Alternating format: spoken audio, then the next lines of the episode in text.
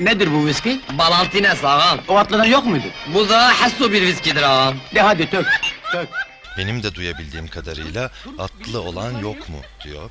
E, bu, bu da ilginç bir e, ayrıntı. Çünkü e, o yıllarda yine çok popüler olan bir viski var. White Horse e, harmanı. Şu anda da hala e, satışta olan bir e, harman viski. Ve logosu beyaz bir at.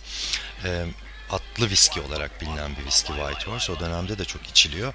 İlginç bir ayrıntı olarak e, logosu beyaz bir at olduğu için Adalet Partisi'ni simgeleyen, o dönemin Adalet Partililerinin e, özellikle tercih ettiği bir viski.